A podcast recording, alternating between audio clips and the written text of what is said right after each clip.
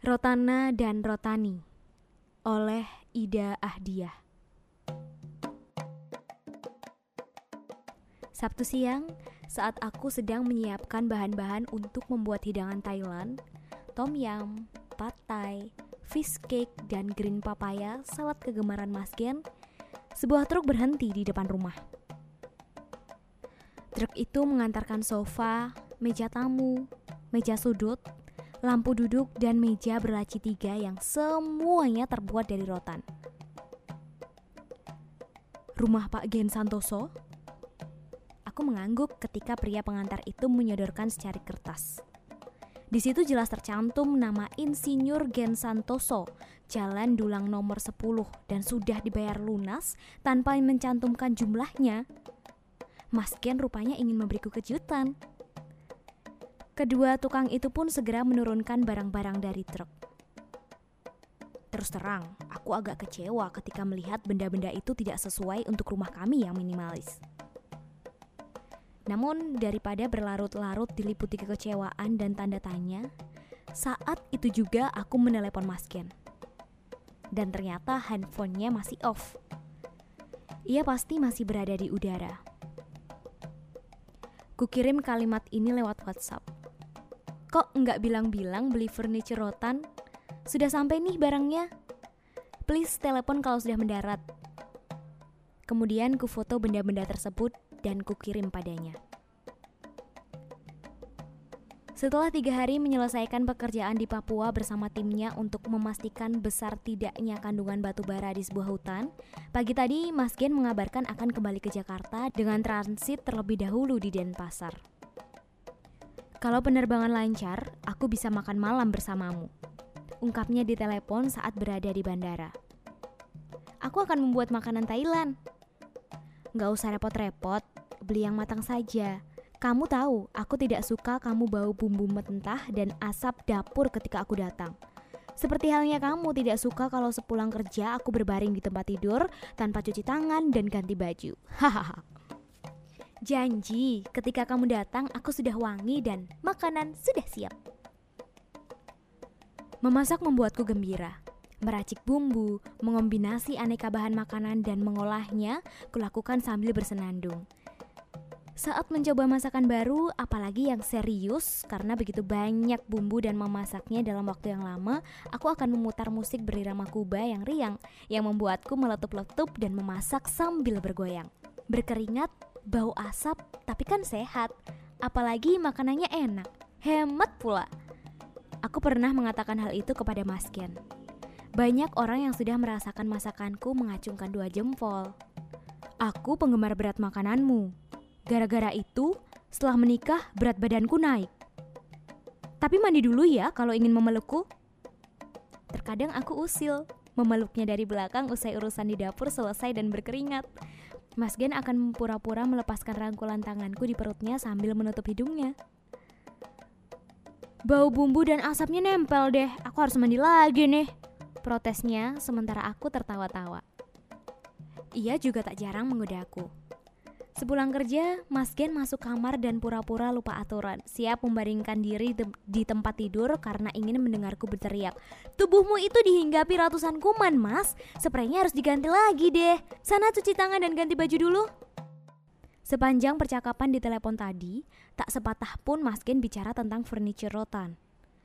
Apa karena ia sungguh-sungguh ingin memberi kejutan atau lupa karena kesibukannya? Seingatku, kami pun belum secara serius membicarakan furniture untuk mengisi rumah yang kami tempati enam bulan lalu ini. Sambil lalu, aku memang pernah usul, kalau tabungan sudah terkumpul, memesan furniture dari workshop langganan mama saja. Kualitasnya bagus, meski harganya mahal. Aku ingin desain dan warna benda-benda di rumah nanti memiliki benang merah dan masing-masing memiliki kekuatan sesuai fungsinya. Sesuai pula dengan semangat pasangan muda – Aku ingin betah di tiap sudut rumah. Tapi Mas Gen tidak menanggapi serius karena saat itu masih konsentrasi menyelesaikan satu kamar tambahan di lantai atas. Saat ini ruangan di rumah yang kami anggap paling istimewa adalah dapur. Letaknya di balik ruang tamu dengan pintunya yang langsung ke carport. Di situ ada kompor listrik empat tungku dengan oven, toaster, kulkas dua pintu, dispenser, juicer, kuali anti lengket, panci, microwave, cangkir, sendok, piring dan mangkuk-mangkuk cantik yang semuanya ditata harmonis di atas, tengah dan bawah lemari. Mudah dijangkau, modern, dan membetahkan dengan sentuhan biru yang menyegarkan. Semua benda-benda di dapur adalah hadiah perkawinan dari keluarga dekat dan sahabat. Aku berterus terang kepada mereka untuk memberiku hadiah perkawinan berupa perlengkapan dapur. Mereka tahu dapur akan menjadi kerajaanku. Dalam kartu mereka menulis, "Semoga akan ada olahan istimewa yang muncul dari dapurku." Ruang tamu justru belum mendapat sentuhan apa-apa. Di situ hanya ada meja kopi dan sofa dua set warna marun, pemberian teman Mas Gen yang pindah rumah. Makin hari aku melihat sofa itu tampak terlalu serius untuk ruang tamu yang mungil. Yang lumayan menghibur adalah televisi 32 inci yang menempel di dinding. Media hiburan saat aku sendirian di rumah karena jam kerjaku lebih teratur dibanding Mas Gen. Tiga langkah ke belakang, kami menempatkan meja kecil yang menempel ke jendela dan membuka pandangan ke halaman belakang kecil yang separuhnya dilapisi lempengan-lempengan batu alam abu-abu. Halaman terbatas itu kami isi dengan pot berukuran sedang berisi pohon jeruk limau, sawo, dan mangga. Juga pot-pot kecil berisi tanaman bumbu seperti salam, lengkuas, kunyit, dan pandan. Kami membanggakan teras itu sebagai tempat mata leluasa memandang langit dan menikmati daun-daun hijau. Di mana kami menempatkan barang-barang ini, Bu? Sebentar ya, Pak. Jawabku sambil memeriksa barang-barang yang masih berada di teras itu satu persatu. Aku ingin memastikan ukuran dan kepantasan penempatannya di dalam rumah. Benda-benda tersebut berkualitas baik. Pola jalinan rotanya simple, namun artistik. Sofanya yang terdiri dari satu sofa dengan tiga seat dan tiga sofa lainnya yang memiliki satu seat berwarna coklat pasir dengan bantalan tempat duduk dan sandaran berwarna biru toska. Nyaman saat kududuki. Permukaan meja terbuat dari kayu yang disangga jalinan rotan berbentuk daun nangka di empat sudutnya. Jika dipaksakan, hanya satu sofa tiga seat yang bisa ditempatkan di ruang tamu. Sofa cantik itu pun akan terlihat kebingungan dan terasing karena membuat ruang tamu tampak sesak. Tiga kursi sisanya terpaksa harus kufungsikan sebagai kursi makan. Masalahnya, di mana aku akan menempatkan meja sudut, laci, dan lampu? Mas Gen kok bisa seceroboh ini? Furniture rotan. Furniture rotan? Aku masih bisa terima asal ukurannya tidak tembem-tembem seperti ini. Masa ia lupa ukuran ruangan di rumahnya sendiri? Aku mulai khawatir benda-benda cantik itu akan menjadi pemicu munculnya riak dalam hubunganku dan Mas Ken. Aku pasti akan meminta penjelasannya dengan suara tidak senang.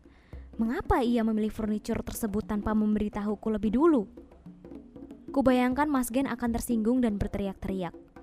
Akhirnya aku mungkin akan mengalah, menerima apa yang sudah terjadi. Lalu Tiap hari aku akan melihat benda menyebalkan itu dan terluka karena merasa diremehkan. Aku mungkin belum sepenuhnya memahami apa alasan dari tiap tindakan Mas Ken.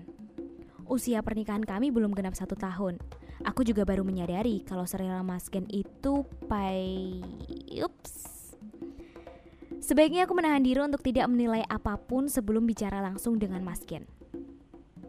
Kulihat pesanku di WhatsApp belum terkirim.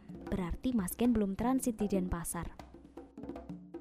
Bapak yakin tidak salah kirim? Aku berharap sekali benda-benda ini dikirim ke rumah yang keliru. Ini Pak Gen Santoso dosen di Fakultas Tambang Universitas B kan Bu? Hmm, untuk membeli furniture ini Mas Gen memberikan keterangan diri selengkap itu? Jangan-jangan ia membelinya secara kredit? Memaksakan diri sekali. Ya sudah, tolong yang ini dan ini letakkan di ruang tamu. Yang itu di dekat meja makan. Kuputuskan aku tidak ingin terlihat lagi seperti istri dungu yang tidak tahu urusan suaminya di depan dua pria yang sejak tadi kebingungan melihat aku yang tidak gembira.